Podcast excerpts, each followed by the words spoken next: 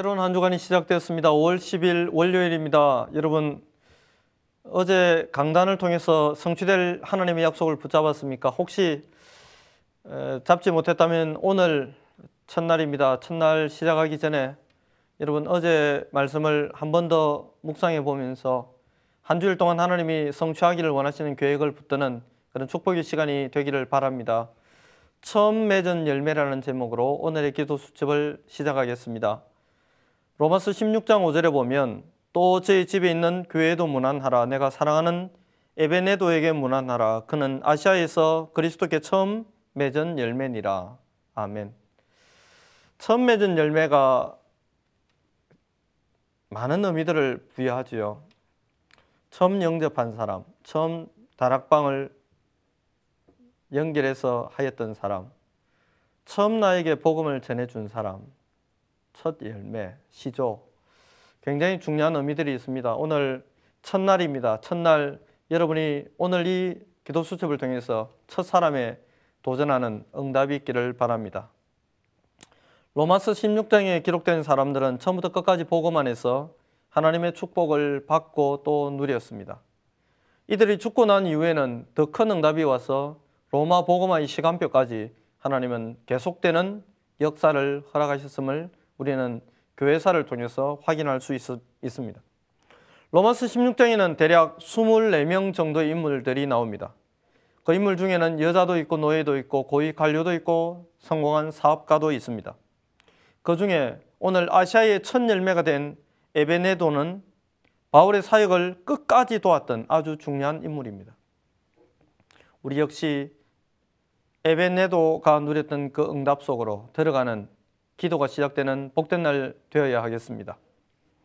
첫 번째, 어떻게 하면 우리가 이러한 시작부터 끝까지의 축복을 누릴 수 있습니까? 첫 번째는 시조의 축복을 누려야 합니다. 에베네도는 바울의 언급대로 아시아에서 처음 맺은 열매입니다. 에베네도와 같이 우리는 복음의 시조가 되는 축복을 누려야 하겠습니다. 이렇게 한번 고백해 보십시오. 나는 우리 학교의 복음의 시조다. 나는 우리 가정의 복음의 시조다. 나는 우리 직장의 복음의 시조다. 나는 우리 지역의 복음의 시조다. 제가 처음 대학 4학년 때 복음을 접했을 때가 1992년 11월입니다. 그때는 다락방 멤버가 저 하나밖에 저희 대학에 없었습니다. 하나님 앞에 그렇게 기도했습니다. 나로 말미암아 이 대학에 전도 운동이 일어나게 해달라고. 다락방의 문이 열리게 해달라고 그 시작이 되는 기도를 했습니다.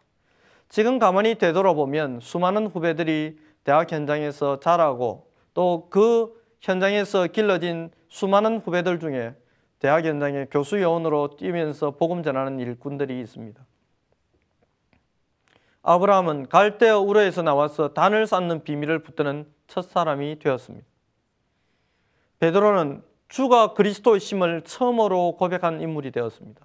모세는 인간에게 있는 창세기 3장의 문제와 그 문제 해결자 되는 그리스도에 대한 부분을 처음으로 기록한 인물이 되었습니다.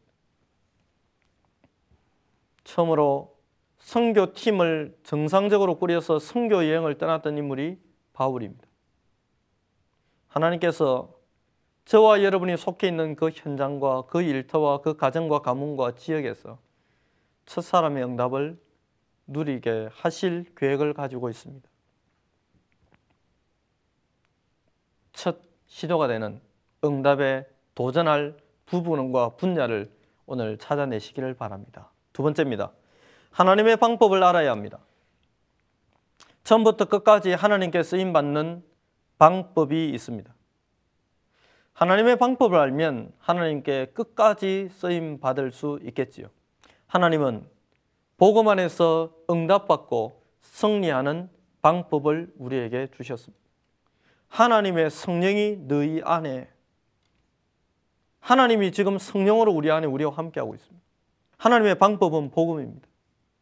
우리를 사단과 싸워 이길 수 있는 사단과 대적할 수 있는 왕 같은 제사장으로 어떤 죄와 어떤 저주와 어떤 재앙이 온다 해도 그것을 기적으로 바꿀 수 있는 제사장의 비밀을 어떤 문제, 어떤 사건 속에서도 하나님의 계획을 찾고 하나님의 기적을 맛볼 수 있는 선지자의 축복을 하나님은 지금 저와 여러분에게 복음 안에 복음 속에서 허락해 놓으셨습니다.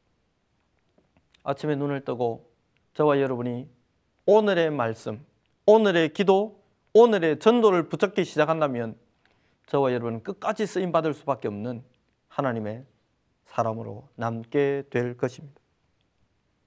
저와 여러분은 확실한 언약과 복음의 말씀이 있어야 합니다. 그리고 일 속의 사건 속에서 하나님의 숨겨진 계획을 붙잡아야 합니다. 그리고 그 하나님의 시간표를 기다리며 기도하는 응답을 누려야 합니다. 하나님의 시간표가 분명히 올 것이기 때문에 지금부터 하나하나 그 시간표에 맞추어서 준비하는 준비가 필요합니다. 많은 분들이 어, 항공 시차를 이야기합니다. 저 멀리 외국으로 나갈 때 시차들을 이야기합니다. 저는 그 시차 극복을 이렇게 합니다. 한국에서 비행기에 올라서 비행기가 출발하는 그 시간부터 해외에 있다고 생각하고 그 해외 현지 시간에 맞춰서 저희 몸을 만들어 갑니다.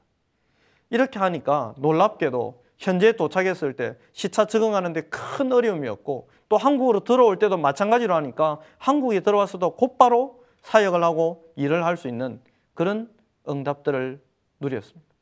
여러분과 저희 체질을 그 하나님의 시간표에 맞추어서 지금부터 준비하는 축복도 함께 누려야 하겠습니다. 이렇게 하면 세 번째 하나님 앞에 서서 하나님을 누리는 축복을 회복하게 되겠지요. 하나님 앞에 저와 여러분이 산 제사로 드려지는 응답을 누리시기를 바랍니다. 오늘의 포럼을 나누겠습니다. 하나님께서 복음 없는 가정과 가문, 현장을 살려내라고 나를 부르셨습니다.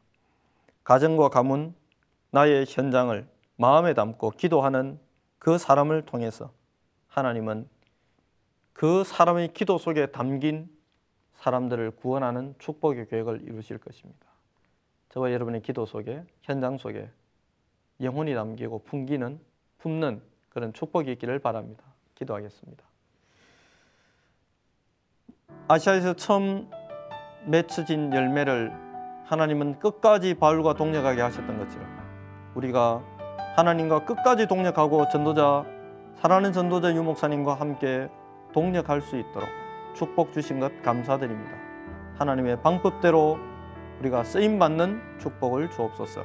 끝까지 하나님께 쓰임 받도록 우리의 중심을 우리의 시간표를 우리의 삶을 우리의 기도를 우리의 붙잡아야 될 말씀들을 하나님께서 새롭게 없어서 예수님의 이름으로 기도드립니다. 아멘.